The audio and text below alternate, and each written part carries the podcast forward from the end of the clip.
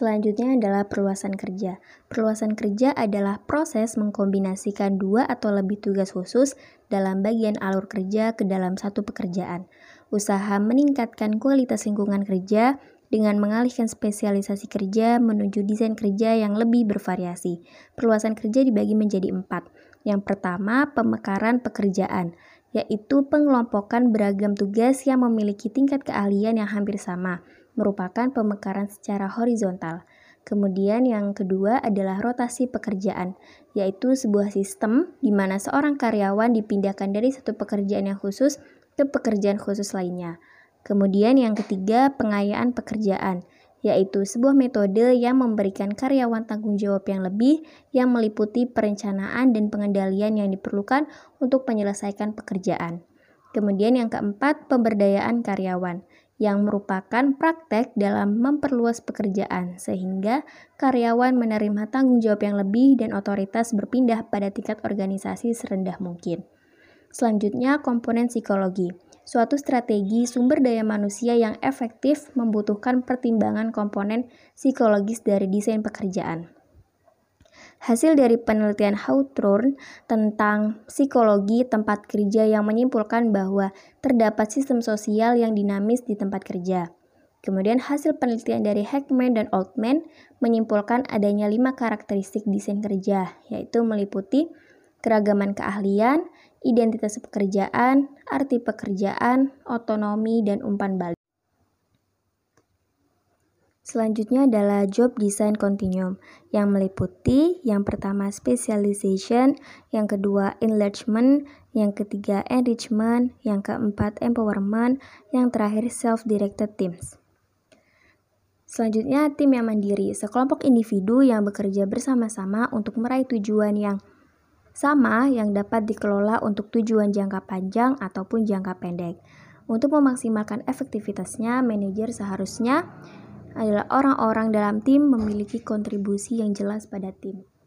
Kemudian memberikan dukungan manajemen, menentukan training yang penting diberikan, menentukan tujuan yang jelas, memberikan reward finansial dan non-finansial, dan yang terakhir supervisor melakukan kontrol. Keuntungan adanya tim dan memperluas job design yang pertama, meningkatkan kualitas hidup.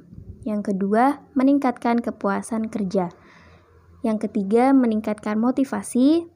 Yang keempat, memungkinkan karyawan untuk memperoleh tanggung jawab yang lebih. Selanjutnya, memperbaiki produktivitas dan kualitas. Yang terakhir, mengurangi turnover dan absensi. Keterbatasan job extension atau perluasan kerja. Yang pertama, biaya modal yang lebih tinggi. Yang kedua, individu dapat memilih pekerjaan yang sederhana. Yang ketiga, gaji yang lebih tinggi dengan keahlian yang lebih baik.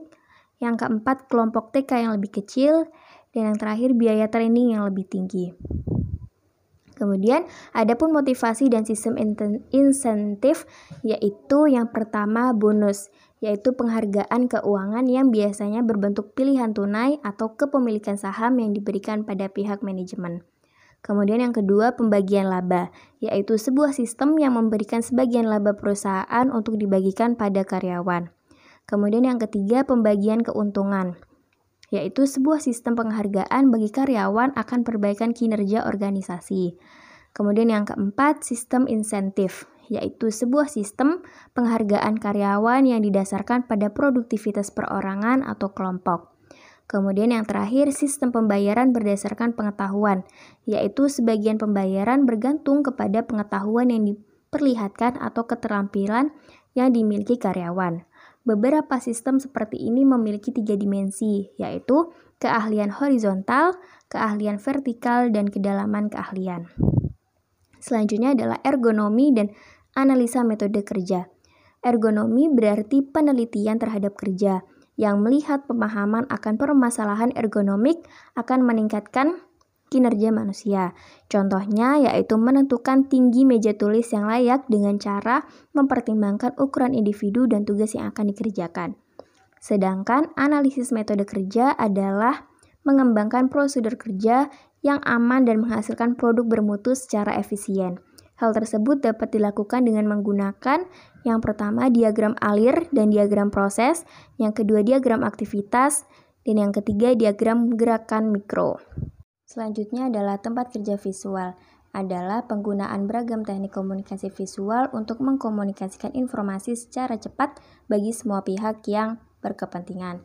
Kanban merupakan sebuah tipe tanda visual yang mengindikasikan kebutuhan produksi yang lebih banyak, dan Andon adalah sebuah tanda misalnya lampu yang bertujuan memanggil orang yang memberi tanda terdapat suatu masalah. Kemudian standar pekerja dan pengukuran kerja membantu perusahaan untuk menentukan yang pertama proporsi pekerja dari setiap produk yang dihasilkan atau biaya pekerja. Kemudian yang kedua kebutuhan staf yaitu menyangkut berapa banyak pekerja yang dibutuhkan untuk melakukan operasional.